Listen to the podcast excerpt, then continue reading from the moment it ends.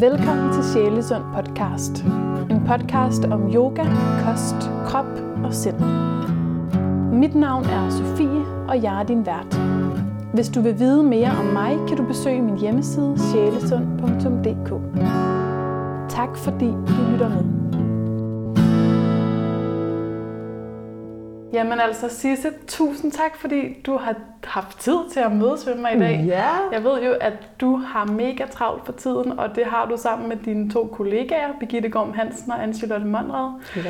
Fordi den 7. maj, der lavede I en gruppe på Facebook, som efter lidt navne finpudsning er kommet til at hedde Støt Danske Yoga- og Meditationslærere. Yes. Og sidst jeg tjekkede, der havde den her gruppe, altså, og sidst jeg tjekkede det en time siden, der havde den 5.116 medlemmer. Mega sejt. Ja. Fem dage efter den 7. maj, altså den 12. maj, der stiftede I så brancheforeningen Danske Yoga- og Meditationslærer DYOM. Mm-hmm. Sisse, hvorfor har I oprettet den her forening? Jamen, um, ja, det startede jo der, som du siger, øh, den 7. maj, øh, hvor jeg egentlig bare skrev øh, sammen til Birgitte og Angelotte, bare øh, sådan, Nå hej, tror I så, det, var det så dødstødet for yoga i Danmark, eller et eller andet? Jeg skrev et eller andet, jeg skrev sikkert også nogle baneord. Og så begyndte vi bare at chatte, og så skrev vi sammen hele aftenen, og så tror jeg faktisk, i løbet af den samtale, så var der en af os, der gik ind og lavede den der gruppe. Og allerede næste morgen var der et par tusind. Og allerede næste eftermiddag, så var vi oppe på et eller andet, ja, tre eller sådan noget. Det, det var så vildt. Uh, så, så det var jo også inspirerende til netop at sige, Nå, så må vi jo også øhm, lave en forening, øh, hvilket ikke er sådan super nemt. Øhm, jeg tror ikke, man kan sige i øvrigt, at det er en brancheforening, men det er en forening, som vi vil Vil have lavet vil til en brancheforening. Ja. Øhm, og, øhm, og det er jo fordi, der ikke er nogen. Der er ikke nogen samlet øh, enhed inden for dansk yogaverden, som, øh, som taler vores sag. Og lige i øjeblikket er den politiske situation bare den, at hvis der ikke er nogen, der står og råber højt og siger, vi vil med, vi vil med, så sker der ikke noget. Så rigtig meget af det, man måske tror, øh, sker på grund af noget med noget sundhedsfagligt, eller sådan en eller anden form for common sense. Det sker, fordi der er en masse forskellige organisationer, der, der arbejder bag øh, kulisserne politisk. Og det er vi jo så gået i gang med. Ja, så det var, altså det var faktisk virkelig sådan en, øh, et dybt behov for at organisere sig Ja. som øh, yoga- og meditationslæring. Vi har snakket om det i mange år. Jeg har jo været i øh, altså yogaverdenen i 20 år, og jeg har undervist i 15 år. Og der er der mange af os, der i, i, tidens, øh, altså i tidens løb har snakket om, hvorfor har vi ikke sådan en forening? Og der er selvfølgelig nogle store foreninger inden for yoga, men de er så typisk knyttet op omkring en bestemt skole eller stilart. Øhm, og, øhm, og ikke sådan en, en forening, der gik på tværs. Så denne her har jo ikke noget med yoga at gøre. Vi kan være rygende uenige om yoga. Vi skal bare være enige om, at det er en god idé at øh, organisere os og arbejde sammen og have et eller andet fælles talerør. Ikke? Men det handler slet ikke om yogaen, og det er jo egentlig en stor lettelse. Der er ikke lagt Ja, altså, op man til, at det er det det, vi skal ikke om- diskutere. Om selve det, der sker ude i salen, men det handler om, at jeg er yogalærere, så Ja. har man nogle fælles interesser. Eller og meditation meditationslærer. mm. og meditationslærer, og at alle må være med. Altså der bliver heller ikke noget sådan, øh, øh, hvad skal man sige, der bliver ikke nogen adgangskrav på den måde, det tror jeg i hvert fald ikke. Øh, at, øh, altså også kortere uddannelse osv. osv. Vi bliver simpelthen nødt til at, at arbejde fælles.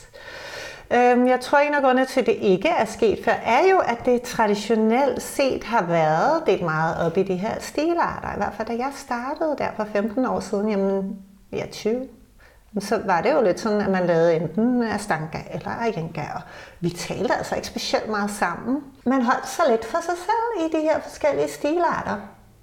Og der var bare ikke øh, nogen sådan øh, stor øh, fælles fornemmelse på den måde. Og så tror jeg også, det er fordi, at, øh, yogalærer bare øh, helst vil passe sig selv og undervise deres elever. Og Går måske ikke så meget op i politik. eller? ej, læser ikke så mange aviser nødvendigvis. Ej, nu er det jo sådan lidt... en, Totalt en- øh, generalisering, ja. Og der er jo rigtig, rigtig stor opbakning, og folk er jo simpelthen bare så søde. Det er virkelig, virkelig, virkelig faktisk overvældende og rørende, synes jeg. Så meget utrolig sådan, positiv feedback, vi har fået. Ja, og hjælpende hænder, Virkelig, synes jeg også, ja. jeg kunne se inde på Facebook-siden. Vi skal lige have det helt basale på plads. Ja. Øhm, bare hvis nu nogen ikke er helt er med. Øhm, de fleste er nok klar over, at øh, regeringen har jo iværksat den her genåbningsplan, som er inddelt i nogle faser. Vi er i gang med anden fase, og det er en fase, hvor blandt andet caféer og restauranter har fået lov til at åbne. Det kan man godt mærke. Det er rigtig dejligt. Øhm, så er der den tredje fase. Det er den 8. juni, og den fjerde fase, som først er et sted i august. Der er indtil videre meldt ud, at indendørs idræts- og foreningsliv, og det er så herunder aftenskoler, de er med i genåbningens tredje fase. Og i den fjerde fase i august, der er det yderligere dele af indendørs sports- og fritidsfaciliteter, og det er for eksempel fitnesscentre, badelande, lejelande, svømmehaller. Det, der er hele dilemmaet, det er jo selvfølgelig, jamen hører yoga ind under den kasse, der hedder tredje fase, eller er det fjerde fase? Altså kan man sige, yoga er idrætsliv, eller kan man sige, at yoga er øh, fitnesscentre? Og det er vel det, som I kæmper for, at få yogaen ind under den tredje fase. Ja, dag for dag vil jeg sige, det udvikler sig, og jeg er ret sikker på, at vi er med i tredje fase. Ikke at jeg kan sige det 100%, men, Men det er rimelig sikkert. derhen af, ja. Ja. Så vi arbejder jo egentlig for, at alle yogalærer skal få lov til at gå på arbejde så snart som muligt. Øh, hvis det er sundhedsmæssigt forsvarligt overhovedet, ikke? hvis det giver mening. Men det er, øh, det er rigtig mange forskellige øh, ministerier, der er indover. Det er rigtig mange forskellige embedsmænd. Det er uhyggeligt kompliceret til tider. Øhm, og, og det vi prøver at, at finde ud af, det er, hvor kan vi ikke få vores egen plads? Kan vi ikke blive nævnt øh, selvstændigt? Vi føler ikke, vi er idræt. Vi føler ikke, vi er fitness.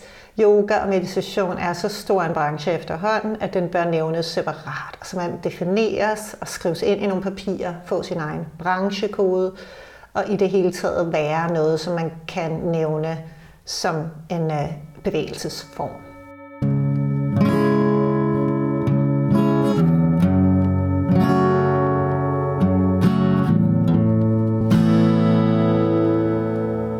Men i forhold til, at der netop er et hav af forskellige yogastilarter, og der ligesom både er øh, meget stillesiddende, øh, måske yin-yoga, meditation, og så er der øh, helt den anden boldgade, øh, hot yoga, øh, mm. meget krævende aktiv yoga.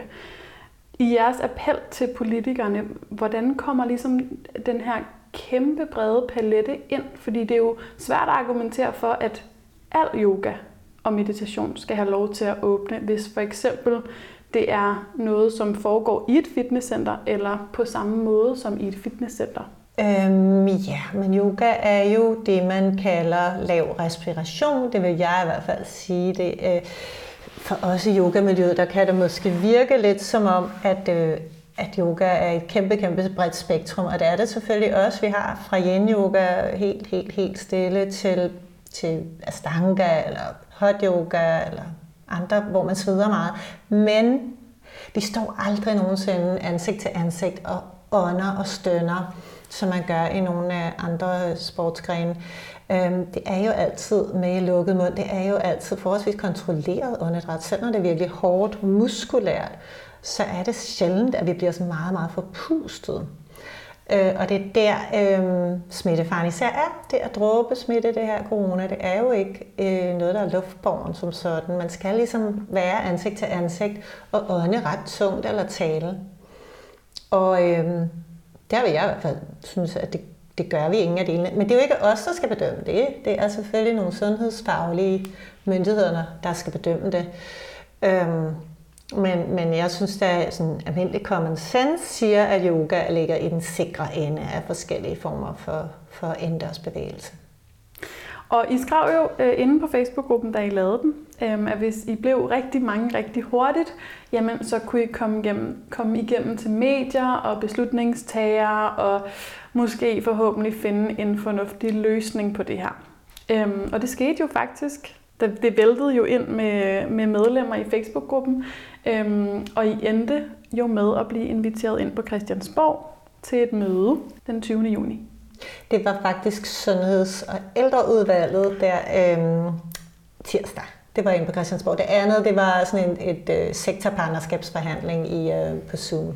Ja. Sådan. Men øh, det er ikke, fordi... Men det er jeres besøg, hvordan gik det? Hvad fik I ud af det? Øh, men det gik jo rigtig fint. Det er sådan meget... Øh, øh, fin og formel foretræde. Man kommer ind i en stor sal, og så sidder der helt sådan en panel af folk, og vi havde et kvarter til at fremlægge. Birgitte fremlagde med slides, så det var meget tjekket. Og så spørger de nogle opfølgende spørgsmål. Vi må ikke fortælle, øh, hvad man taler om, men øh, de var meget lydhøre. Altså utrolig positivt indstillet over for os. Og der var så sundhedsordfører fra flere af partierne med. Så altså status lige nu, det er, at øh, I har jo fået hul igennem, I har snakket med nogle politikere, I er rimelig sikre på at komme til at være med i, i genåbningsfase nummer 3. Det vil 3. jeg sige, ja. Er der andet, øh, du kan sige omkring, hvor langt I er med det her arbejde? Jamen, øh, vi skal igen til noget sektorpartnerskabsforhandling i morgen, øh, og har søgt foretræde igen for erhvervsudvalget.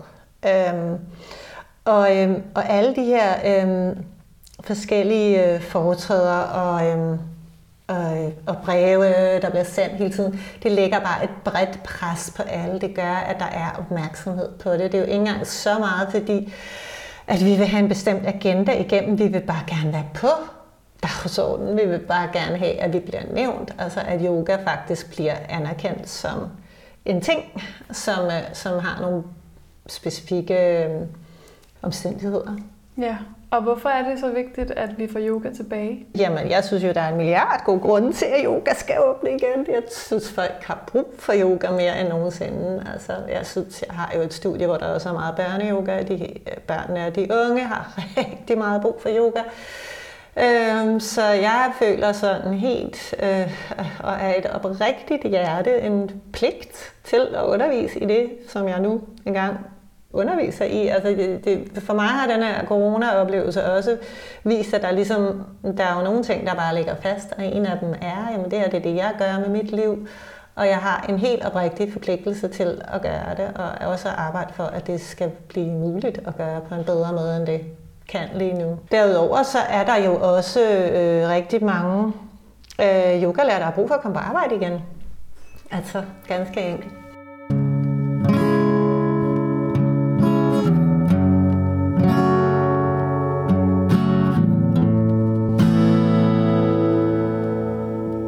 Er vi lige rykket rum, og der kom lige en behandler, så hvis der er lidt, øh, lidt bilstøj, så er det bare derfor. Nu sidder vi inde i din yogasal, Sisse, som jo har stået tom i noget tid.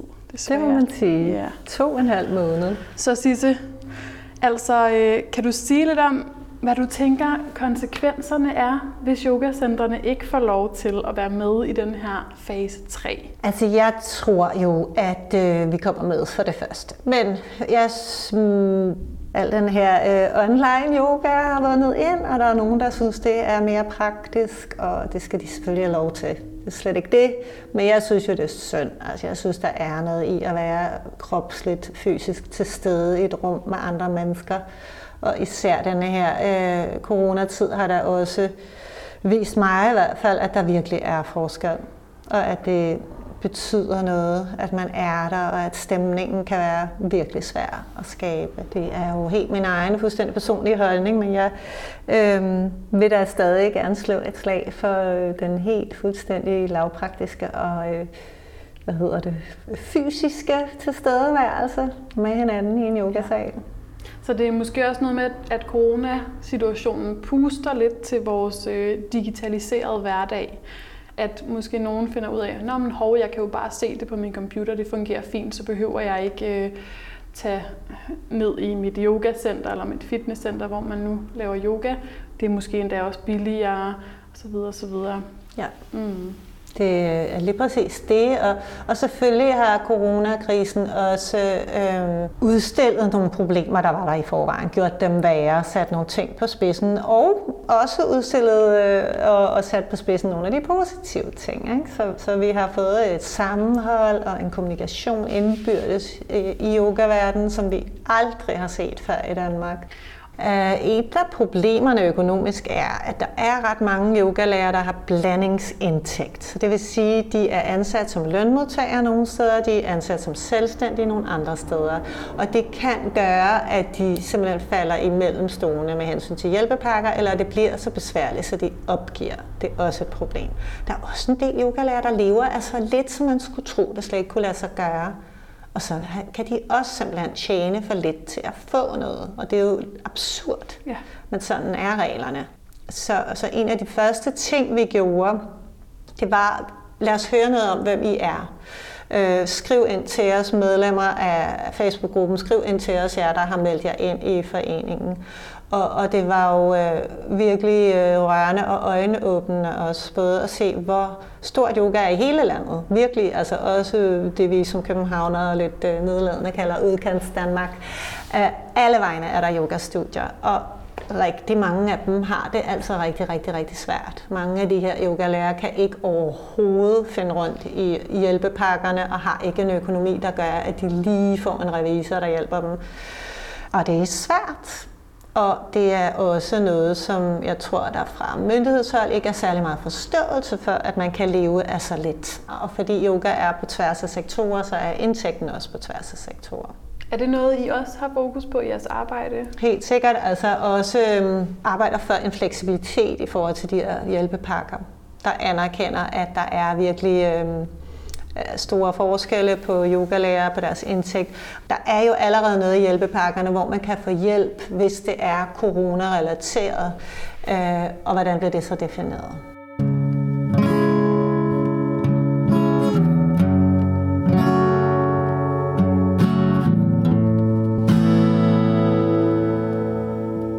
Jeg lagde mærke til, at der er rigtig mange, som bare er enormt meget i tvivl om, hvad man må. Har du sådan øh, lidt overblik over, hvad må man lige nu i forhold til at undervise? Altså, et af de helt store problemer er jo, at det ikke er klart defineret. Så det er ikke noget med, at, øh, at folk ikke kan finde ud af, hvad man må, eller at de er dumme. Det er simpelthen, fordi det ikke er blevet forklaret på nogen måde. Altså, og yoga er ikke nævnt nogen steder øh, ved navn. Og det er jo i sig selv et problem. Men, men nej, altså indtil den 8. i 6. må vi ikke undervise i yoga. Øh, men igen, det er dag, fra dag til dag, at, det at de her ting. Men ja. så lige nu, så er det stadig sådan, at man må være udenfor op til 10. Ja, med udendørs op til 10 personer. Øhm, der, er, der er folk, der spørger, må man undervise indendørs, hvis det er en privat elev? Og det øhm, vides ikke. Øhm, jeg tror, der er folk, der har fået at vide, at det må de ikke. Så hvis man vil være på den sikre side, skal man i hvert fald heller ikke gøre det. Nej. Nu har I jo lavet den her øh, forening øh, meget på grund af corona. Måske var den ikke engang opstået, hvis ikke øh, corona havde sendt os alle sammen hjem. Men der er jo heldigvis en tid efter corona.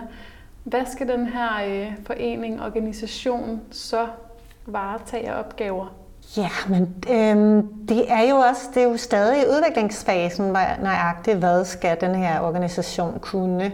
Men, men noget af det, vi i hvert fald øhm, har talt meget om, at vi synes er vigtigt, det er øh, at kunne påvirke det politiske liv, og kunne komme ind og, og få en stemme og blive hørt. Også bare noget så lavpraktisk som at få en branchekode for yoga og meditation. Det har vi jo ikke. Der er op til fem forskellige i spil. Øh, og det er jo lidt noget råd. Øhm, så ligesom alle mulige andre brancher, simpelthen have nogen, der, der holder sig orienteret, og som er i stand til at påvirke det politiske spil. Måske også noget fagforeningspotentiale? Det kunne der være. Det kunne der være. Det, det er jo øh, svært lige nu, fordi det både er for studier og for ansatte i studier og for forening og for fitness. Det er alle yoga- og meditationslærer, der er velkomne ja. i den her forening.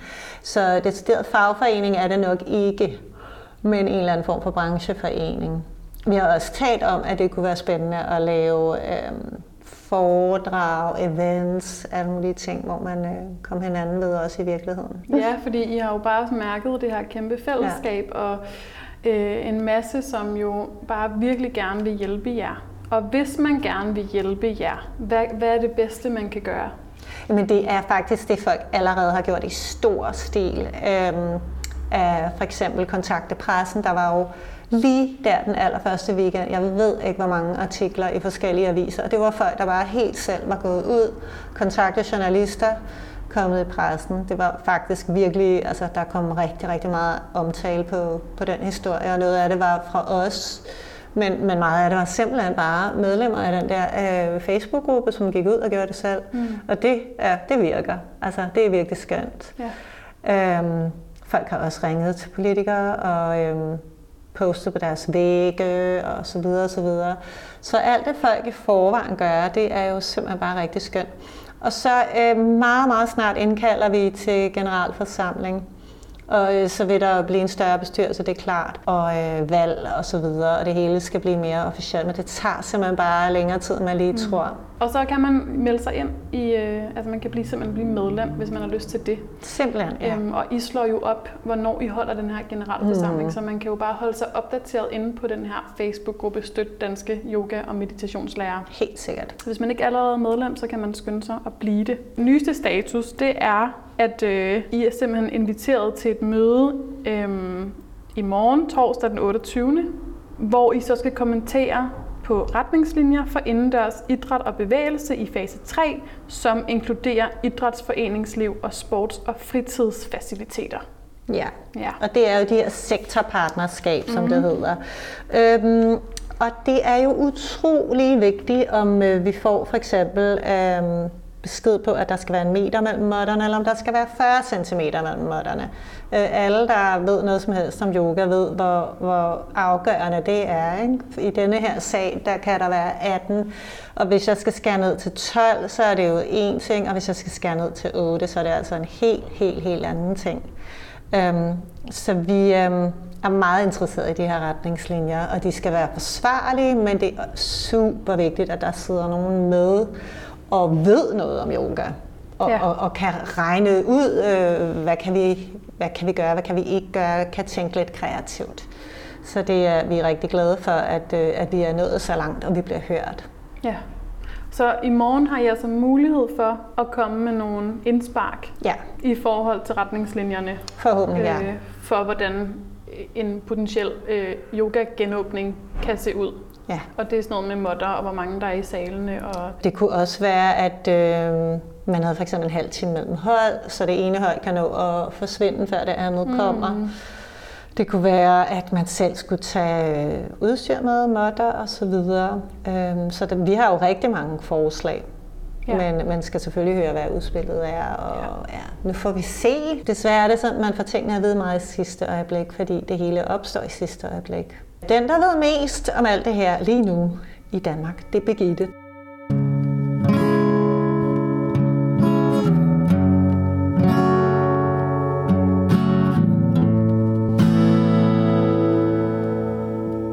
Den 2. juni, en uge efter interviewet med Sisse, der snakkede jeg med Birgitte Gorm Hansen om det politiske arbejde, som hun, Sisse og Angelotte har brugt de fleste af deres vågne timer på det sidste stykke tid.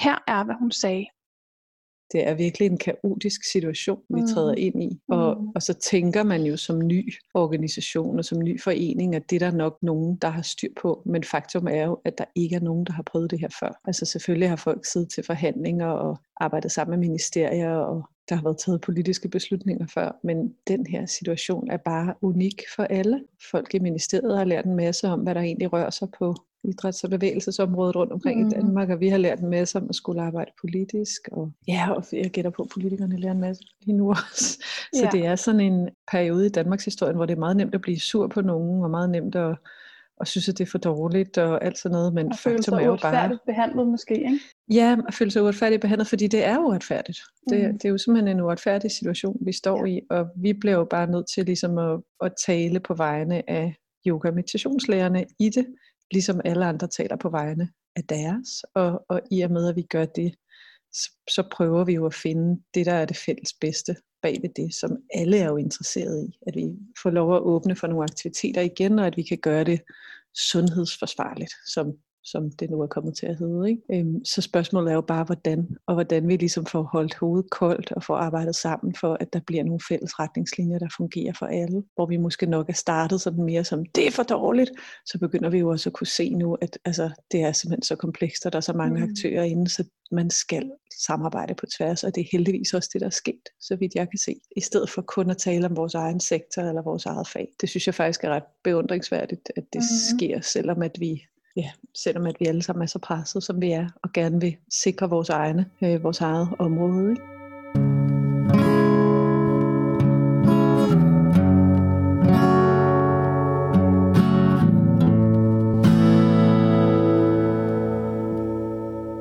Jeg ved jo ikke noget. Jeg ved, hvad vi har arbejdet for. Jeg har set de retningslinjer, der er kladen. Det ja. ser godt ud. Men faktum er, at det hele skal igennem en politisk proces. Ja, jeg tror, jeg har skrevet et sted, det er ligesom at bygge et hus i en jordskælvszone. Man tror, den er hjemme, og så flytter den sig. Jeg har, jeg har i hvert fald selv lært, og jeg ved også på, at Sissa Angelotte har lært meget om, øh, meget om politisk arbejde, og også meget om, meget om yogaverden faktisk. Det tror jeg næsten, jeg synes er det bedste ved det her. Vi har jo haft øh, altså et kæmpe arbejdspres med det her, men grunden til, at vi har haft alt den energi til det, er også, at vi har set altså en, et sammenhold, som jeg ikke nogensinde husker at have set i yogaverdenen øhm, i al den tid, jeg har været der. Jeg har godt set, at vi har kunnet holde sammen omkring nogle bestemte ting i yoga, men der har altid været sådan lidt, du ved, så er der nogle dele af yogaverdenen, som ikke, som ikke føler sig helt som rigtige yoga, og så er der nogle andre dele af yogaverdenen, der ikke vil have nogen tredje med, og du ved sådan, alt det der, der har været med de forskellige skoler og linjer, som har følt sig meget forskellige, og jeg har selv tilhørt en skole, der følte sig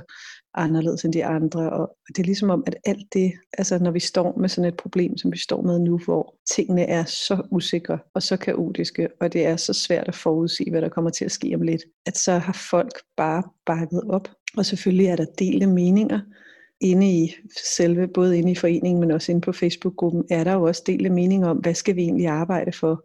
hvad er bedst at presse for. Men den overordnede tone generelt i sådan 90% af vores interaktioner, det er, at folk de vil gerne høres, og de vil gerne have, at vi lytter, og de vil gerne være med til at lave den her forening og føre den videre. Og der er simpelthen så mange kræfter, der byder ind med idéer og forslag og kontakter, så vi er helt på røven. Er du klar over, hvor mange yogalærer, der underviser politikere og journalister og tidligere har arbejdet øh, som embedsmænd. Altså vi får jo de vildeste ressourcer til rådighed, når vi begynder at stå sammen, yogalærer og, og meditationslærer. Hvis nogen undrer sig over, hvorfor vi ikke har brugt noget mere tid på at skabe en forening og få demokratisk valgt en forstyrrelse, så det er fordi, altså jeg har blandt andet siddet i sådan nogle 12 timers, 14 timers arbejdsdag, hvor jeg ringer til folk sekundet, inden de går ind til et møde, hvor noget bliver bestemt. Okay. Og hvis jeg ikke får fat i dem inden, så, så er vi lost. Ikke? Og arbejder på dokumenter og sendt dem de rigtige steder hen, og forsøgt at finde ud af, hvordan byråkratiske arbejdsgange fungerer, hvad det er, der gør, at man kommer igennem, og talt med ministerier, tre forskellige ministerier, helt ned under gulvbræddet i telefonen. og det er jo bare, altså, der har simpelthen ikke været tid til at trække vejret mm. i forhold til ligesom at sige, Nå, hvad, hvad er den større mission her? Fordi toget var kørt, da vi hoppede på det. Og hvis nu vi havde været en forening i forvejen, så havde vi jo haft en, en meget mere strategi i det. Så den glæder jeg mig til at skal lægges nu som et fælles projekt, så vi får nogle flere kræfter ind, der kan noget i forvejen med politisk arbejde, pressearbejde, øh, sociale medier, regnskab, administration, website, alt sådan noget, så, så vi ligesom får nogle af alle de gode kræfter, der er, og så der ikke skal sidde to til tre mennesker og gøre det hele alene, ikke? fordi det, kan, det holder ikke i længden. Sådan her kan vi ikke fortsætte.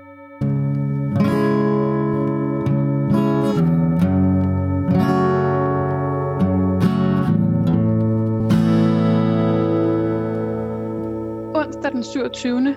den dag jeg snakkede med Sisse, netop som jeg var på vej ud af døren, så ringede du faktisk til hende med nyt. Hvad var det, der skete den onsdag? Det var, at øh, vi fik et udkast, en klade til nogle retningslinjer, som nu kommer til at gælde hele det samlede område, som er idræts, foreningsliv og sports- og fritidsfaciliteter. Og det var bare en rigtig god nyhed, at overskriften nu hed det, fordi før var der ligesom kun to ting inde i ministeriet, det var idræts- og foreningsliv. Og det var vi selvfølgelig glade for at se, at det skift var der i retningslinjerne. Problemet er bare, altså, vi var også rigtig glade for at se selve dokumentet, fordi det indeholdt ordet yoga. Det havde det overhovedet ikke gjort før, og det har vi presset på for. Det så ud som om, at man begynder at skelne nu mellem aktiviteter, der involverer råb og øh, meget høj puls og meget tunge udåndinger, så at sige, eller aktivitet, hvor man kommer til, ligesom, det er jo dråbesmitte corona, så man kan ligesom komme til at spytte på hinanden, hvis man råber eller puster meget tungt ud. Og så aktiviteter, der er lavrespiratoriske, er et ord, der er blevet brugt i, i, nogle, i en af retningslinjerne. Ikke? Og det, det er faktisk en skældning, vi har presset rigtig meget på, og har arbejdet sammen med andre organisationer for, at der skulle presses på. Og vi begyndte at se de ord i dokumenterne. Problemet er bare, at man skal ikke glæde sig for tidligt, fordi det er et kæmpe politisk spil, det der. Så de her retningslinjer, de skal først omkring andre ministerier, og især skal de igennem de sundhedsfaglige, som skal kigge på, om det overhovedet giver mening at kalde yoga for en lavrespiratorisk aktivitet. Og yoga mm. er så stort et felt, så det er jo svært at gøre uden at have talt med nogle yogaeksperter. Det håber vi, de prøver at presse på, for at de skal komme til at snakke med os. Men altså, vi ved jo ikke, det kan også være, at de beslutter sig for, at enten er man i bevægelse, og det er farligt, eller også så sidder man helt stille, som i meditation eller, eller et foredrag eller sådan noget, og så er det ikke farligt. Mm. Og det, det er meget svært at, at sige, hvor den lander, fordi det er simpelthen ikke op til os. Det er en på Serum Instituttet, og det er Styrelsen for Patientsikkerhed, og det er Sundhedsstyrelsen, der sidder med den. Og når de så har været igennem det og sagt deres, så bliver det hele sendt over til Folketinget, og så er det en politisk beslutningsproces, hvad der skal ske med resten.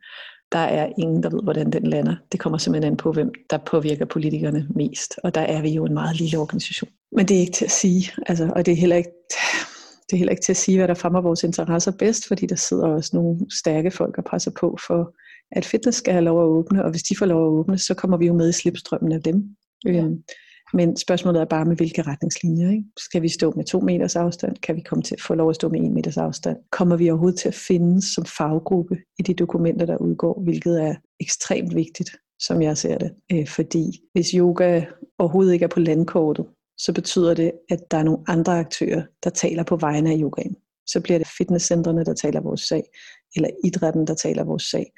Og det er jo dejligt, når de gør det, men hvis vi ikke ligesom er med og arbejder sammen med de organisationer, og ligesom finder noget fælles fodslag, så er det jo ikke yoga-fagligheden, der kommer til ord i det her. Vi synes jo, at dem, der skal tale på vegne af yoga, det skal være dem, der har undervist det og praktiseret det og ved noget om området. Og når vi kigger på, hvem vi har i den Facebook-gruppe, vi er i nu, og vi kigger på, hvem der allerede er blevet medlemmer, så øhm, har vi virkelig meget faglig ekspertise at dele ud af der. Og det skal være de mennesker, der skal høres, når det handler om yoga. Det spil, der foregår lige nu, det lægger jo skinner og sveller til, at man senere kan beslutte, hvad for nogle retningslinjer, der generelt skal gælde for yoga i Danmark, udenom yogalærerne. Og det vil jeg synes var en katastrofe.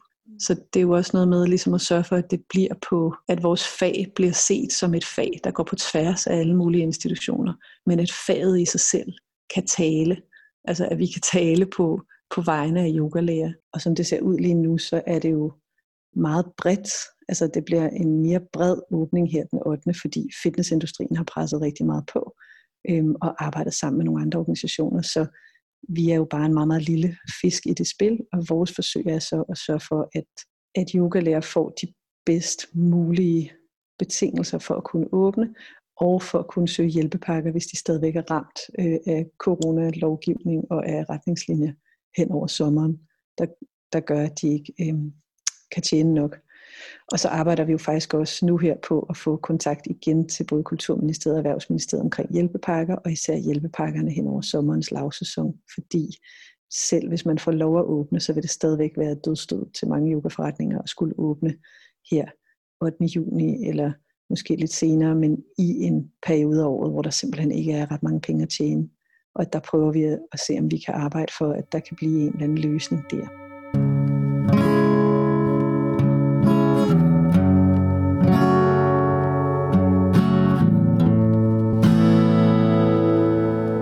Og nu tilbage til Sisse. Super godt arbejde Øh, yeah. Tak øh, på vegne af alle, tør jeg godt sige. og tak til alle. Tak til alle dem, der... Altså, det har jo været en sådan rørende virkelig. Jeg har siddet med tårer i øjnene mange gange over den her støtte og opbakning og sådan ja. en utrolig sammenholdsfornemmelse. Og I har jo den her kryds for yoga billedserie kørende, Ja. så man, man kan jo også sende et billede ind, hvor man øh, står i en øh, krydsagtig stilling. Nemlig krydser eller det. andet, eller ligner et kryds. Der har været mange, mange, mange kreative ting. Ja. Så hvis man bare tagger kryds for yoga, hashtag kryds for yoga, så finder vi dig og reposter på Instagram. Sejt. dyom.dk Tusind tak, Sisse. Ja, og lige held og lykke. Du har lyttet til Sjælesund podcast. Du kan finde flere afsnit på iTunes, Podimo, Spotify og på min hjemmeside. Du kan også følge med i udgivelser, teasers, behind the scenes og meget mere på Facebook og på Instagram. Tak fordi du lyttede med.